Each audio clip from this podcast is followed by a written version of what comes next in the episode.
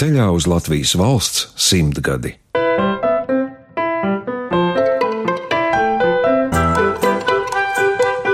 Talantu galerijā Radošu cilvēku portreti Latvijas Radio 1. Labdien, mīļie klausītāji!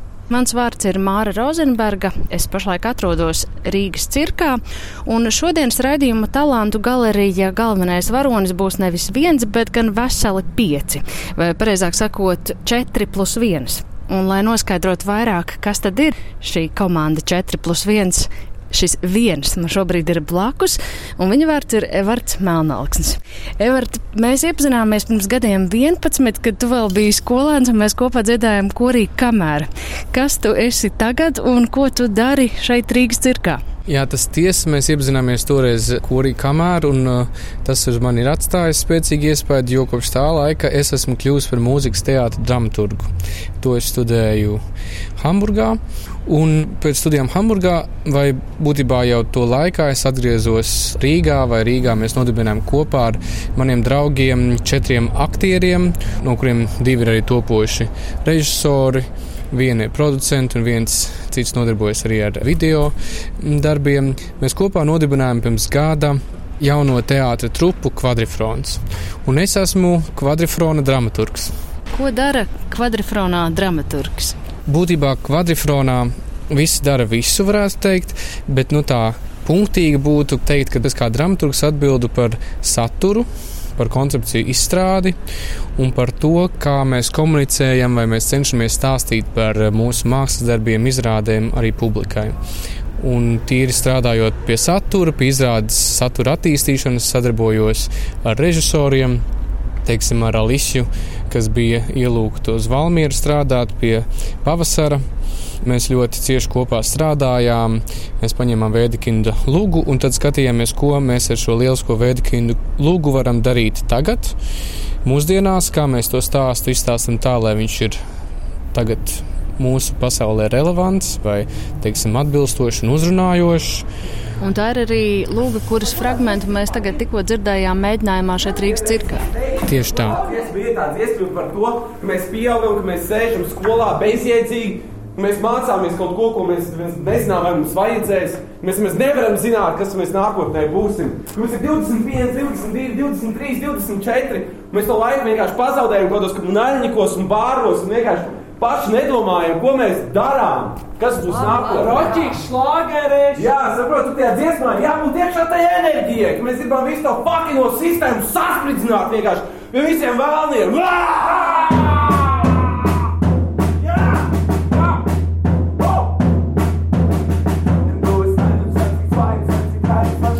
Mēs nospēlējām šo lielisko izrādi, vai lieliskās lūgas lielisko izrādi Valmierā, Valmieras vasaras teātra festivāla ietvaros, un tagad mēs gatavojam Rīgas pirmizrādi. Un, jā, nu, kā tu dzirdēji, tā nav izrāde par pusauģiem 14 gadniekiem, viņi varbūt ir vecāki, un uh, viņu pasaulē jā, nu, tās pārmaiņas viņiem ir svarīgi saprast, un viņi meklē to ceļu, un viņi kopā ar draugiem un savā garāžā mēģina tādu ideālo pasauli priekš viņiem celt. Kāpēc tev ir interesanti darboties šādā teātra formātā? Jūs esat pieci jauni profesionāļi, kas darbojas ārpus lielām teātras skatuvēm, kas Latvijas teātra vidē nebūtu nav tik bieži sastopama parādība. Jā, man tas tiešām ir svarīgi. No citas puses, nav arī tā, ka mēs nestrādātu lielajos Latvijas teātros. Gan es, gan arī kolēģi vēl ar vienu saistīti ar vairākiem Latvijas teātriem lielajiem. Es pēdējā laikā esmu par to diezgan daudz arī domājis, un mēs visu laiku jau par to domājam. Jo skaidrs, ka mums varbūt tāpēc mēs esam tādi nedaudz izlacēji, ka mēs cenšamies kaut ko paši nodibināt. Man liekas, ka tas ir svarīgi taisnība tā lēmuma pieņemšanas dēļ, jo saproti, lielās teātris mājās ir cilvēki, kuriem ir liela pieredze, un mēs tiešām viņus visus ļoti cienām un esam daudz mācījušies no viņiem. Bet man liekas, tā kvalitatīvā atšķirība ir tā, ka tādā cienījumā lielā teātris mājā lēmumus pieņem cilvēki, kuriem varbūt arī ir jau vecāku gadagājumu. Līdz ar to viņi dzīvo savā pasaulē, viņi nāk ar savu pieredzi un viņi pieņem tos lēmumus tā, kā viņi uzskata par pareizu. To, ko viņi ir pieredzējuši, tas, kas viņiem patīk vai liekas svarīgi mākslā runāt. Un savukārt mums, mēs esam teiksim, starp 25 un 30 gadus veci. Mēs esam cita paudze, mēs dzīvojam savā ziņā citā pasaulē, mums ir cita pieredze un cita, cita varbūt estētiskie ieskati. Un tas, ka mēs paši varam pieņemt tos lēmumus, nu, cik viņi tiešām ir tur racionāli, viss izsvērts, cik viņi var būt impulsīvi vai mākslinieciski intuitīvi, tas ir cits jautājums. Bet katrā ziņā mēs varam paši pieņemt tos lēmumus. Līdz ar to es domāju, ka mēs tās trupas ietvaros varam darīt vismaz tā, kā mums liekas pareizi. Par ko tev kā jaunam dramaturgam pašlaik ir svarīgi runāt teātrī? Nu, varbūt tas individu un sabiedrības un brīvības jautājums varētu būt tāds, bet es domāju, ka tas ir konkrēti caur katru darbu ir jāskatās. Un, tā vispārīgi par kaut ko pateikt ir sarežģīti, bet, ja pastāstīs izrādē pavasars, par ko mēs domājam un runājam par tiem jauniešiem, par to, kādā pasaulē pat labam jaunieši aug un kā mēs savulaik augām. Un, Un tomēr tā kopējā politiskā attīstība pasaulē ir uz kaut kādu tādu bēdīgu konservatīvo pusi, proti, nu, viss tā trumpisms un, un šīs parādības, kurās skaidrs, ka varbūt teiksim, likumdošana, kuras ietvaros sekas ir tās, ka jaunieši neuzzina par seksuālo veselību un vienkārši paliek neizglītot kaut kādu likumisku likumu aizsargā. Es domāju, tās visas tās tēmas, kuras saprotu, ka it kā tie ir sīki, sīkas pārmaiņas, bet viņas izmaina sabiedrību un kaut kas, kas it kā 20. gadsimtā ir panākts, atkal pārmainās. Un, vai Latvijas sabiedrībā tomēr bija panākts, tas mainās. Jā, nu, teiksim, tā bija viena no tēmām, izrādē pavasaris. Un arī nākotnē ir doma taisīt vienu mūzikas teātru. Man ļoti svarīgs mūzikas teātris, to es studēju, un es gribu arī, arī strādāt ar aktieriem, lai gan viņi nav profesionāli mūziķi. Tomēr meklēt to ceļu, kā es varu to mūzikas teātru domāšanu ielikt arī dramatiskajā teātrī vai taisīt tādus starpdisciplinārus projektus. Un tagad padomā ir viens projekts, kurā būtu centrā nolikts viens mākslinieks, 20. gadsimta viens no lieliskajiem lielajiem tādiem māksliniekiem un, un viņa attiecības ar totalitāru varu, bet nu, pie tā mēs vēl strādājam. Pie kura no kvadrifrona dalībniekiem tu mani vedīsi un ko tu par viņu varētu pastāstīt? Es varētu tevi vest pie Klāva Meļa. Viņš ir aktieris, un viņš ir arī tagad pabeidzis režijas studijas. Un, kas svarīgi, viņš arī savulaik ir pabeidzis Rozentāla mākslas vidusskolu, līdz ar to viņš arī domā vizuāli un ir attīstījis mūsu vizuālo valodu un, un to vizuālo izskatu. Klāvī! Mēs tagad esam apsēdušies ar tevi klāvu tādā stūrītī ārā pie Rīgas cirka, kur ir liela cigaretes bilde. Jā, pīpēta. Pīpēta. Vai tas ir tavs mākslas darbs? Nē, šis nav mans mākslas darbs. Šis ir, man liekas, saglabājies no survival kit, tad, kad survival kit šeit bija ievācies uz mēnesi. Es tā iztēlojos. Kaut gan izstāsts bišķiņ, ka varētu būt arī mans, jā. Tu esi arī mākslinieks, ne tikai aktieris. Nu, nevarētu teikt, ka es esmu tāds praktizējošs vizuālais mākslinieks. Vienkārši kaut kā dažādu apstākļu sakatību rezultātā sanāca tā, ka es esmu kvadrifronam arī nu, teiksim, grafiskais dizainers vai maketētājs vai kaut kāds vizuālās identitātes šī brīža autors, bet varbūt tas kaut kādā brīdī mainīsies. Nē, nu, man tas teātris vispār visu laiku ir diezgan paticis, bet kaut kādas konkrētas domas par tiem aktieriem nebija. Patiesībā es gribēju stāties režisoros, bet tajā gadā, kad es nolēmu, ka nu, tagad jāstudē, tad vienkārši režisors neuzņēma. Bet, principā, es pēc rozentāļiem izdomāju, ka man negribas nekur mācīties vismaz kādu laiku, un tad es aizbraucu pastapēju, braucu vienu pa Eiropu un tādā garā gadu, un tad es atgriezos un biju atpūties pietiekami un izdomāju, ka nu, tagad kaut kur jāstājas. Es iestājos gan Latvijas Universitātē, gan Mākslas akadēmijā, gan Kultūras akadēmijā, un tad, kad es tur visur tiku, izņemot starptautisko diplomātiju, ne, starptautiskie sakari un komercdiplomātiju, tur es netiku Latvijas Universitātē. Tas bija bēdīgi, protams. Bet nu, vienmēr, cikot beigās izdomāju, jā, ka jāiet tajos aktieros, jo toreiz bija doma, ka es arī paralēli tiem aktieriem varētu kaut ko bišķi ar to režiju ņemties tā, bet to es pats savas linkuma dēļ toreiz bakalauros tā arī neizdarīju. Bet tagad tu esi gan diplomāts aktieris, gan diplomāts režisors. Kāpēc tu esi kvadrifronā? Nu, nebūtu mēs, nebūtu kvadrifrons. Un tajā brīdī, kad eh, radās šī organizācija vai šī ideja, nebija nekāda pat tāda beigot divu domu, kurš tur būs un kurš tur nebūs. Vienkārši mēs visi bija skaidrs, ka tie būsim mēs.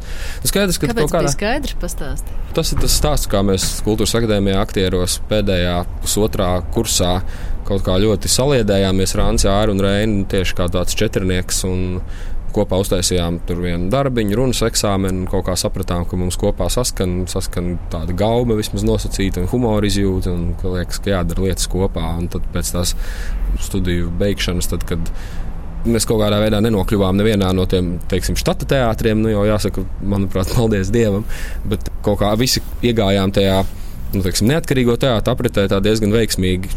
Un uh, vienā brīdī mēs sapratām, ka vienkārši nu, cik tad var rotēt un gribas strādāt kopā. Un ik pa brīdim jau mēs arī tajos neatkarīgos teātros satiekamies dažādās kombinācijās, bet nu, kaut kā šķiet, ka, nu, ka vienkārši jādara vairāk kopā. Es tevi esmu redzējis arī uz lielo teātrus skatuvēm, bet kāpēc tu tagad saki paldies Dievam, ka tu neesi kāda lielā teātra štatā? Vai tas nav katra aktiera sapnis? Es, nē, man patīk, nu, protams, tāpat kā man patīk aizmigrēt uz Dērtīdu ielu un pēc tam aizmigrēt uz Džertrūdas ielu, tāpat man patīk aizmigrēt arī uz, piemēram, Dailas teātru vai JRT vai Nacionālo. Nu, es visās esmu šajos teātros kaut ko bišķiņu padarījis, bet man vienkārši liekas, ka Nu, tā, es tiešām laikam negribētu būt kā aktieris nevienā tādā valsts teātris štatā. Tur nav vispār nekāda tāda skumjuma katrā ziņā. Nu, es negribētu, tāpēc, ka man liekas, ka, skaidrs, ka tas ir tāds rutinēts darbs, un droši vien, ka, ja uzreiz pēc tās studiju beigšanas tā kā, nokļūsi tajā vidē, nu, viņš jau, protams, tāpat ir interesants un tam līdzīgi, bet vienkārši es pēc tā studiju beigšanas sāku mētāties, skraidīt tur savu plānotāju, pārpierakstīt to un meklēt tur tas un tas, un tad jāpaspēj tur, jāpaspēj tur, un es kaut kā tik ļoti esmu pieredzējis pie tāda tā projektu principa, ka man tiešām laikam negribētos sēdēt tajā štatā. Nu, plus vēl tas, ka šeit, tagad kvadrifrona sakarā, mēs tiešām to pašnoteikšanos esam iztaisījuši par tādu gandrīz vai galveno savu kaut kādu tādu vadmotīvu, ka mēs paši varam izlemt, ko mēs īsti gribam. Gan iestudēt, gan spēlēt, gan nezinu, filmēt, vai uzzīmēt, vai, vai jebko. Un skaidrs, ka aktierim teātris štatā varbūt tas nav tik iespējams, kā tas ir mums šeit, pilnīgi noteikti. Šeit eh, Rīgas cirkā tiks spēlēta arī tava maģistra režijas studiju diploma izrāda himna. Par ko te šobrīd ir interesanti runāt teātrī un domāt? Es domāju, ka tas noteikti ir kaut kāds tāds posms, un es šaubos, ka tas būs tā ilglaicīgi. Bet, laikam, mans tāds, tas, ko es pašlaik daru, es izvēlos kaut kādus tādus ļoti jocīgus nu, pat ne ļoti jocīgs, bet kaut kāds tāds zināmā mērā triviāls vai tāds, eh, nu, vienmēr cikot tādas it kā popsīgas lietas, bet tad mēģinu viņās meklēt kaut kādu tādu teiksim, to nepopsīgo slāni. Vai kaut kā tamlīdzīga. Man laikam patīk tādas vienkāršas, aizraujošas. Un es vispār tā kā ar vien vairāk saprotu, ka man tiešām arī ļoti, ļoti patīk nu, tāds dramatiskais teātris, šī vārda tādā vistiešākajā nozīmē. Ļoti, ļoti vienkāršs teātris un īstenībā pat kaut kā pēdējā laikā tāda sajūta, ka jo vienkāršāks, jo labāk, un tad kaut kā mēģināt saprast, kas paliek pāri, nu, kas tur var rasties no tā. Nu, tā. Mīļie klausītāji, mēs jau esam dzirdējuši Evartu Melnākstu un Klāvu Meli no apvienības kvadrifrons Klāvu, pie kā tu mani vedīsi tālāk, jo tev ir vēl trīs kolēģi. Tevis jau pieminētā Ance Strāzda, tava kursa biedrene Rozentāļos, Ārs Matesovičs un Rēns Boters. Es varētu vest pie āra. Viņš ir aktieris, ļoti labs aktieris, manuprāt, bet tas, ko viņš vēl dara ārpus šī, nu, jau mums katram, kā jau tu saproti, ir arī vēl kaut kādi tūkstoši citu pienākumu. Viņa galvenie pienākumi ir saistīti ar tieši video. Patiesībā, nu, es nezinu, to viņam var paprasīt, bet mums ir plāns arī nākamgad uzņemt kā kvadrifronam filmu. Kā man, kur man sēdēt? Tas blakus. Sveiks, Āri! Čau! Pastāst par to filmu. Kurš tā teica? Nē, mums ir doma, ka mēs kā katrs varam kvadrifronā izpausties un darīt to, kas vislabāk patīk. Un man ļoti, ļoti patīk filmas, un es vienmēr esmu gribējis kaut ko darīt saistībā ar viņām. Man liekas, tas arī man noveda pie tā, kur es esmu šobrīd. Tas, ka es esmu aktieris pamatā, bet tas man nav traucējis visam pa starpu arī pamēģināt, kā ir būt kameras otrā pusē. Ne tikai kā aktierim, bet arī kā operatoram, ko es vienu semestri mēģināju, bet tad man bija aktieriski piedāvājumi, un skaidrs, ka man nācās mesties atpakaļ tajā aktieru dzīvē. Un tad uh, Anse teica, nu, kā mēs taču darām to, ko mēs gribam darīt. Un taisam filmu, vienkārši mēs tev atvēlēsim mēnesi. Un es kā tā, jā, ok, labi. Bet īstenībā es nedaudz baidos, ka tas tiešām arī varētu notikt. Un tad jau kaut kas arī ir tiešām jādara un jāsaņemās un jāizdomā par ko un kā. Un Tad patiesībā tava lielākā aizlība ir kino pasaule, ne tik daudz klasiskais teātris uz skatuves. Nu, teātris man ir bijis vienmēr tāds bērnības sapnis. Arī man šķita nenormāli forši tas, ko darīja jaunajā Rīgas teātrī Vils Daudziņš. Viņš kaut kādā ziņā ir bijis mans elks no. Nu, kad es pirmo reizi redzēju teātri, tad manā mamma aizveda uz teātri, un tad man likās, o, oh, es arī gribu tā kā viņš. Un kādā ziņā sapnis piepildījās, un es pat divās izrādēs stāvu un klanos ar viņu uz skatuves. Es nezinu, varbūt tas ir tas brīdis, kurā nu, ap ko tālāk. Nu, tā kā to es, es, kā, es varētu teikt, viens sapnis piepildījies, jāsapņo tālāk, un tas otrs ir. Man patīk, kādas emocijas man raisa audiovizuāls materiāls. Tas ir tas, kas man ļoti aizrauja un aizkustina bieži vien daudz vairāk nekā teātris. Tu esi arī kādās filmās piedalījies? Kā aktieris. Mm -hmm. Daudz, kur, protams, epizodiski, un tagad nāks ārā, man liekas, Šmitam ir tā filma 1906. Es tur esmu kaut kur epizodiski, kā kārtības sargs, kaut kur tāds dusmīgs. Un, nu, pārsvarā fonā un bez teksta, man liekas, varbūt tas var pasakāt trīs teikumus. Bet šovasar bija liela filma, liela loma, galvenā loma būtībā pie Alises Zariņas. Viņa taisīja filmu mākslas filmu, kuras saucās Blakus. Kad viņi būs? Nu, parasti tur jau ir kaut kāds gads, bet tas bija mans pirmais, nu, ka man ir viss, visur, visās ainās būtībā es esmu galvenais varonis. Viens no galvenajiem varoņiem, otrs varonis bija Anta Aizupa. Tur stāsta par diviem cilvēkiem un to, kā viņi satiekās un kā mainās viņa attiecības trīs gadu garumā tieši Jāņos. Bet kāpēc tu esi šeit kvadrifronā kopā ar saviem aktieru kursa biedriem, nevis esi nodevies, piemēram, operatora darbam vai meklējis vēl kādas iespējas darboties audiovizuālajā lauciņā? Tāpēc, ka tas nozīmētu nu, viņus atstāt un kaut kādā mērā man šķiet, ka mēs esam kļuvuši ļoti, ļoti tuvi un kā tāds uh, mehānisms, kurā katrs ir zobratiņš. Man šķiet, ja es tā vienkārši aizietu, tad nu, nestrādātu tas mehānisms. Nē, viņš noteikti kaut kā strādātu. Tur piebīdītos pārējie zobrati, tuvāk būtu bijis grūtāk griezties visiem tiem zobratiem, bet gan jau ar laiku viņi pierastu pie tā un viss būtu ok. Bet ir tāda sajūta, ka vis, viens uz otru paļaujas un, un tā būtu tāda pievilšana, piečakarēšana. Kāpēc jums ir tik forši kopā? Kā jūs esat kļuvuši par tik stipru komandu? Tas sākums noteikti bija tas, ka mēs gājām pret spalvu akadēmijā, un uh, mums visiem bija uzdevums pēdējā kursā runāt monologus, bet mēs kaut kā, es neatceros, kurš paprasīja, negrib taisīt ar mums kopā Andrus Kivereka stāstus. Un uzzīt, tas tā kā, nu, kā katram taču pa vienam jārunā. Nu, jā, bet tur daudz teksta, un, un katram tur būs pietiekami arī tā, it kā viņš monologu būtu runājis. Mēs mums tur bija, man liekas, pusotra stunda tāda izrādīta. Viņi tā kā aizgāja, un cilvēkiem patika, un es nezinu, ja tu kopā dari kaut ko, kas citiem patīk, tu turpini darīt. Un, Es pat nezinu, kaut kā, tās draudzības ir. Man liekas, tā kā skolā, nu, tie, tie labākie draugi, ar kuriem tu neatceries to sākumu. Tu kaut kur smilškas tai satikies, visi kopā ir kaut ko pārdzīvojuši, par kaut ko skumuši, viens otru atbalstījuši. Mēs laikam viens otru papildinām, nevis viens otru ierobežojam. Varbūt tur ir tā atslēga. Jums katram arī ir ļoti redzamas savas stiprās puses, kuras nevar nepamanīt uz skatuves. Piemēram, tikko pavasarī mēģinājumā tu pilnīgi bez problēmām uzlec uz tādas vairāk kā metru augstas sarkanas eh, mucas, un es esmu tevi redzējusi arī izrādē Cerība ezers aizsalis, Jā. kur tu izpildi gandrīz vai akrobātiskus trikus. Pastāsti, no kurienes tas nāk? Tas nāk, acīm redzot, arī kaut kā no akadēmijas. Proti, man ļoti patīk visas praktiskās nodarbības, mazāk teorijas. Atvainojos visiem pedagogiem, kur to šobrīd klausās.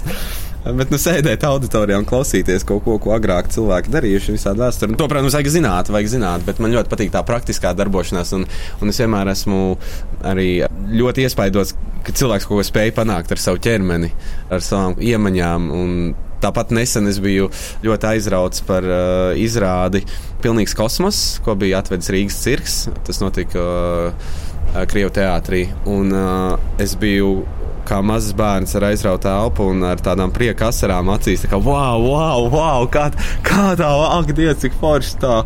Un man vienmēr ir fascinējis tas, ka tu vari uztaisīt kaut kādu triku, un cilvēks vienmēr ir tāds, tā kā, oh, wow, kā tu tā vari. Nu, protams, tu vari arī norunāt tur Hamleta monologu, tā ka, wow, kā tu norunāji monologu. Bet man liekas, kā, cik forši, ka cilvēki var kaut kādu triku uztaisīt vai kaut ko tādu. Un es nezinu, nu, laikam ir tie. Ir, vai tās ir kaut kādas kategorijas aktieri. Nu, ir kaut kādas, katram tās spēcīgās puses, man liekas, ir tā fiziskā. Man patīk tur braukt ar moci, mašīnu, riteni, vienu riteni, jebko. Nu, labi, es nemāku braukt ar vienu riteni, bet es esmu mācījies.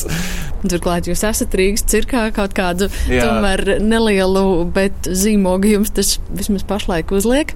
Bet mūsu sarunā vēl nav piedalījušies divi jūsu komandas biedri - Anta Strāzda un Reinis Boters, pie kura no viņiem mani vedīs tu.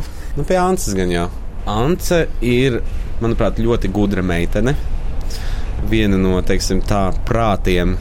Ja es būšu tas, kurš uzsēdīsies uz moča un aizskries pakaļ uz veikaliem visādām lietām, jo es vienkārši to varu ātri izdarīt, praktiski pieskrūvēt kaut ko pie sienas, izdomāt, tad Ance būs tā, kura samanģēs kaut kādas lietas, sarēķinās, sarunās cilvēkus kopā ar klāvu, uzrakstīs projektus un es nezinu, tāda tā kā varētu teikt, smadzenes, galva. Cik patīkami. Kā tu pati jūti sevi šajā kvadrifrona komandā? Pēdējā laikā es bišķiņ sevi jūtu kā apkopēju viņiem. Viņa atstāja sevi uz ļoti lielu bardaku, un es to nevaru izturēt. Tad es eju vācu to visu. Tas ir kā sīkums. Vienkārši tā sadzīve pēdējā laikā kopā ir tik ļoti cieša. Mēs praktiski tiešām ir ļoti maz tā laika, kad mēs nepavadām kopā viņu. Tāpēc tie mazi sīkumi, ko var ikdienā nepamanīt, sāk mazliet traucēt. Bet no es pati sevi, es nezinu. Nu, es laikam esmu visvairāk no visas šīs kompānijas uz menedžmentu vērstā persona. Es arī dabūju tomēr maģistru menedžmentā. Tā kā kaut kāda ievirza uz to man ir. Es nezinu, es tā varētu teikt, ka es esmu šīs kompānijas smadzenes, bet uh, kaut kādu daļu no šīs funkcijas es noteikti pildu. Kā tu vispār nokļuvi teātrī? Oi, es mācījos rožos. Mēs mācījāmies ar klāvu kopā jau no 5, 7, 5, neatceros, kuras klases. Un tad vienkārši bija kaut kāds tāds brīdis, tas bija tad, kad JRT bija nenormāli topā un bija tās garās rindas pie viņa. Mēs bijām maziņi, mums bija nu, maz pats mit un klāvas ar vecākiem ļoti daudz gājuši teātrī. Kaut kā mums tajā mūsu rožu klasītē sākās tāds bums, ka mēs nenormāli gājām uz teātru. Mēs bijām tie, kas vienmēr bija četros no rīta pie JRT un dabūja vienmēr biļetes. Un mēs tās biļetes dabūjām gan sev, gan pedagogiem, tāpēc mums ļāva basot pirmās stundas, tāpēc tas bija tāds, nu, tas bija tāds baigais notikums ļoti, ļoti ilgu laiku. Un tad kaut kā sanāca, mans tētis ir klases biedrs Gundaram Aboliņam, un es teicu, ka es gribu tur strādāt gardrobē. Un viņi man iekārtoja tajā darbā. Un tad sanāca, man bija 18, es sāku strādāt JRT gardrobē. Pēc kādiem diviem gadiem es tur dabūju iekšā klāvu. Un tad kopā sanāca, ka es JRT gardrobē nostrādāju kaut kādus septiņus gadus. Jā, mēs pavadījām rožus, klāvs aizbrauca prom uz gadu, Un es, man bija tāds automātisks tāda vajadzība, jo man ģimenē viss ir ar doktora disertācijām, ka nav tāda opcija nemācīties vai kaut ko nedarīt. Un es it kā vispār nebiju domājis par tiem aktieriem. Es vienkārši automātiski iestājos scenogrāfos, jo es biju beigusi nu, rozintāļus, bet man tas teātris it kā bija tūs. Klaus atbrauc atpakaļ, pateica, es stāšos aktieros, un tad es pateicu, arī. Un tad mēs iestājāmies. Un tu esi arī bijusi vismaz vienā jērta izrādē, ja ne vairākās uz skatuves kā aktrise vienā ar pusi, tā varētu teikt. Pilnmērs istabiņas tev atceros. Jā, un tad mēs ar klāvu bijām kaut kādu bombzīšu Mārs ķimils iesudējumā noziegums un sots. Kaut kur tur pa fonu loderējām. Vairāk nekā nē. Ah, nē, vēl es esmu vienreiz Alsim bija aizgājis dekrētā un mani paņēma uz Kāds, es neatceros precīzi nosaukumu, bet ir tā bērnu izrāde Sivēns ar Zandars dzējolīšiem. To es viņas viedā nospēlēju kaut kādas pāris reizes. Mm. Bet tev nav žēl, ka tu neesi uz JRT skatuves pašlaik, kas ir bijusi tava kaislība visu agro jaunību? Vairs nē. Es domāju, ka kaut kādu brīdi man bija tāda deksme un sajūta, bet man vienā brīdī nāca tāda tāda ļoti dziļa sajūta un pārliecība, ka tas jērtē, tas nenormālais foršums, kas tur bija kādreiz, un es tiešām nebaidos lietot šo vārdu, bija, manuprāt, viņš jau ir tajā komandā. Un neviens nekad neiekļūst tajā komandā, kā tie, kas tur ir. Un tas kodols jau ir tas, kas veido. Un tu no malas vienmēr būs kāds no malas. Un tagad un, jums ir sava komanda, nu jā, kur arī ir absolūts kodols. Ir tas visforšākais, ko tu vari izdarīt nu, uztaisīt to savu komandu. Jo, nu, jā, es tiešām tos aktierus, es viņus tiešām cienu un absolūti abrīnoju, bet par viņiem neviens no mums nekad nekļūs. Mēs varam tikai izdarīt kaut ko citu, kaut ko citādāku. Par ko kļūsiet jūs? Vai es nezinu. Tas tāds ļoti sarežģīts jautājums. Es nezinu. Es ļoti ceru, ka mēs um, ilgi turēsimies kopā un, un ka tā sajūta ap mums varētu būt kaut kādā veidā līdzīga par to dūri. Nu, tā kā viņi ir. Un tā, man liekas, tas ir pats foršākais ka tev ir tie vistuvākie un ka visi no malas redz un saprot, ka jā. Un mazliet apskauž. Jā, un mazliet apskauž, ka viņi nav tajā kompānijā, bet tāpat laikā nav jau tā, ka mēs negribam draudzēties vai kaut ko tādu. Vienkārši man liekas, tur tomēr ir kaut kāds tāds spēks. Ko jums gribas darīt uz teātras skatuves tādu, ko nedara neviens cits pašlaik Latvijā? Vai ir kaut kas tāds, ko kāds nav izdarījis? Es, kā, man liekas, to ir tā grūti nu, apsolīt, ka mēs tagad izdarīsim kaut ko, ko neviens nedara. Bet kas man personīgi ir ļoti svarīgi un kas man vienkārši patīk, man patīk, ka ir smieklīgi. Bet man ir svarīgi, lai ir izklaidējoši, bet tā mazliet tā kā arī jāizkustina. Man liekas, ka mēs kaut kādā veidā to arī darām. Paldies tev liels par sarunu. Mums ir atlicis pēdējais komandas biedrs Reinis Boters. Pastāsti par Reini, kas ir viņš jūsu komandā? Man liekas, ka Reinis pats dzīvē, un man liekas, tieši tāpēc arī mūsu kompānijā viņš ir ļoti ģimenes cilvēks. Un viņš stāvēs un kritīs par jebkuru no mums. Viņš ir tā stiprā mugura, tas, kurš nostāsies blakus un aizstāvēs, ja kaut kas notiks, un nekad nepieļaus, ka mēs sakašķējamies līdz nāvei. Nu, tas, kurš ļoti turēs mūs kopā, tāpēc, ka viņam tas ir ļoti svarīgi un tas daudz nozīmē. Un vēl viņš spēlē trompeti, kā izrādās. Jā, viņš spēlē trompeti un ļoti skaisti dzied.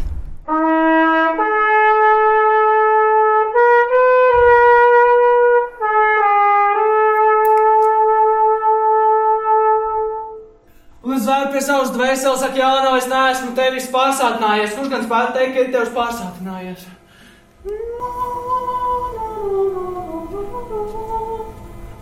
Man kvadrifrons pavisam noteikti ir draugi. Ja mēs to sākām kā draugu kompāniju, un tā joprojām ir tāda, nu, nevar teikt, tāda ampelēšanās mazliet, tāda kopīga daudzīšanās, protams, ka tā daudzīšanās ar katru mirkli paliek arvien nopietnāka. Bet kopumā jau no akadēmijas laikiem tas ir bijis vienkārši labi kopā pavadīts laiks. Un tagad mēs to esam aizveduši līdz kaut kam nopietnākam. Un es kvadrifronā es esmu viens no mazajiem puzles gabaliņiem. Kur tu iemācījies tā spēlēt trompeti? Es mācījos tālāk mūzikas skolā, deviņus gadus. Tas ir kaut kas tāds, ko es ilgu laiku darīju. Es arī spēlēju orķestrī, bet tad, kad es sāku mācīties kultūras akadēmijā, tad tā trompete palika mazliet novārtā, bet tagad tas atgriežas. Vienīgais, ko es vairāk nožēloju, ka tās ir klavieres, ko es esmu atstājis novārtā, kas kaut kas būs jāpierauj. To nākamajās izrādēs. Nākamajās izrādēs, jā. Kāda vispār dzīva doma, ka tu gribi būt aktieris? Nu, tā doma nebija tāda ļoti apzināta. Es zinu, ka tā saka visi aktieri. Bet viss sākās ar to, ka es jau ļoti maziņš jau agri kāpu uz skatuves un dziedāju jau no kādiem pieciem gadiem, un kad skolā bija kāds pasākums, tad man bija vai nu jādzied vai jāskaita dzējoļi. Es jau pie skatuves biju pieradis. Un pēc vidusskolas eh, žetonu vakara, kuras atveidoja galveno lomu, galveno tā kaut kā sanāca, jā, un viss teica, ka baigi labi, tev noteikti vajag pamēģināt iestāties aktieros, un tad es vienkārši pamēģināju. Un bija ļoti dīvaini, ka Es tur biju, es vienkārši aizgāju, es pamēģināju, un pat uh, vienā brīdī zvanīju mammai, ka es tālāk negribu iet. Viņa teica, nu jau tik, tik tālu es teicu, ka jāiet. Un ka tev blakus ir cilvēki, kuriem tas ir mūža sapnis. Un tas ir tā baigi. Dažreiz liekas, ka tu neesi to pelnījis. Bet uh, es ceru, ka es esmu pierādījis, ka es esmu. Un kā ir ar kvadrifronu? Vai kvadrifrons ir tāds plāns B tāpēc, ka tu neesi nevienā no lielajiem teātriem, vai tu ļoti apzināti izlēmi, ka tu nemaz negribi lielajos teātros būt uz skatuves? Nē, nu es nekādā gadījumā negribu teikt, ka tas ir plāns B. Tas ir pilnībā plāns A. Bet nu, tas kaut kā tā vienkārši dabīgi sanāca. Ka mēs netikām paņemti tajos lielajos teātros, lai gan pāris lomas jau ir bijušas, piemēram, Jaunajā Rīgas teātrī ja akadēmijas laikā mūs uz to kaut kā virzīja un uz to štatu, un ka jābūt štatā, tad jau pēc akadēmijas tu saproti, ka ir arī citi veidi, kā eksistēt.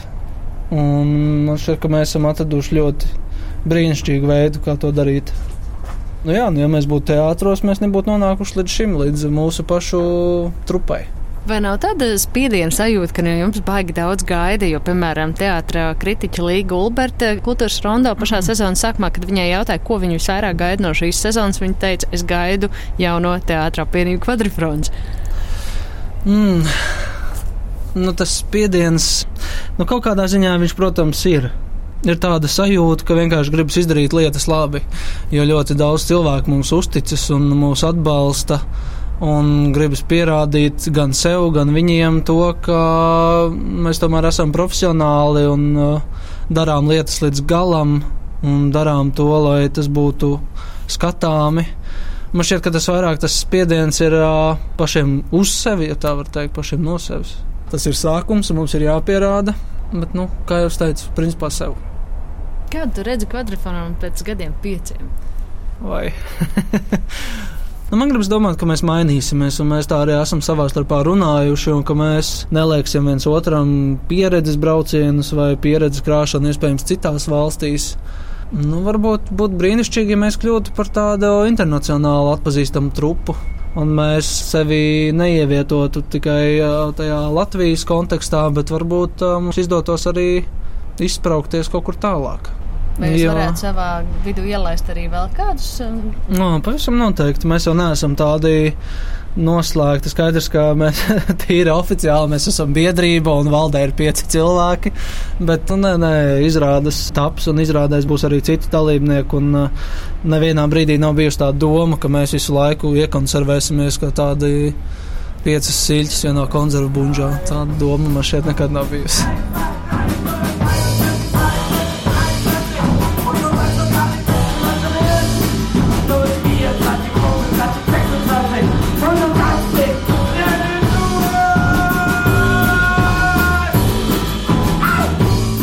Izskan redzējums Talantu galerija, kurā ar jauno teātra mākslinieku apvienības kvadrifrons dalībniekiem Evārtu Melnāksni, Klāvu Melli, Āri Matesoviču, Anci Strāzdu un Reini Boteru sarunājās Māra Rozenberga. Par skaņu gādāja Valdis Raitums.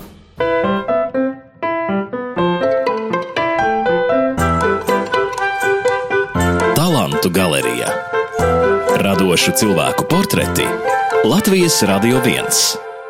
Izskanēja Latvijas valsts simtgades programmas raidījums.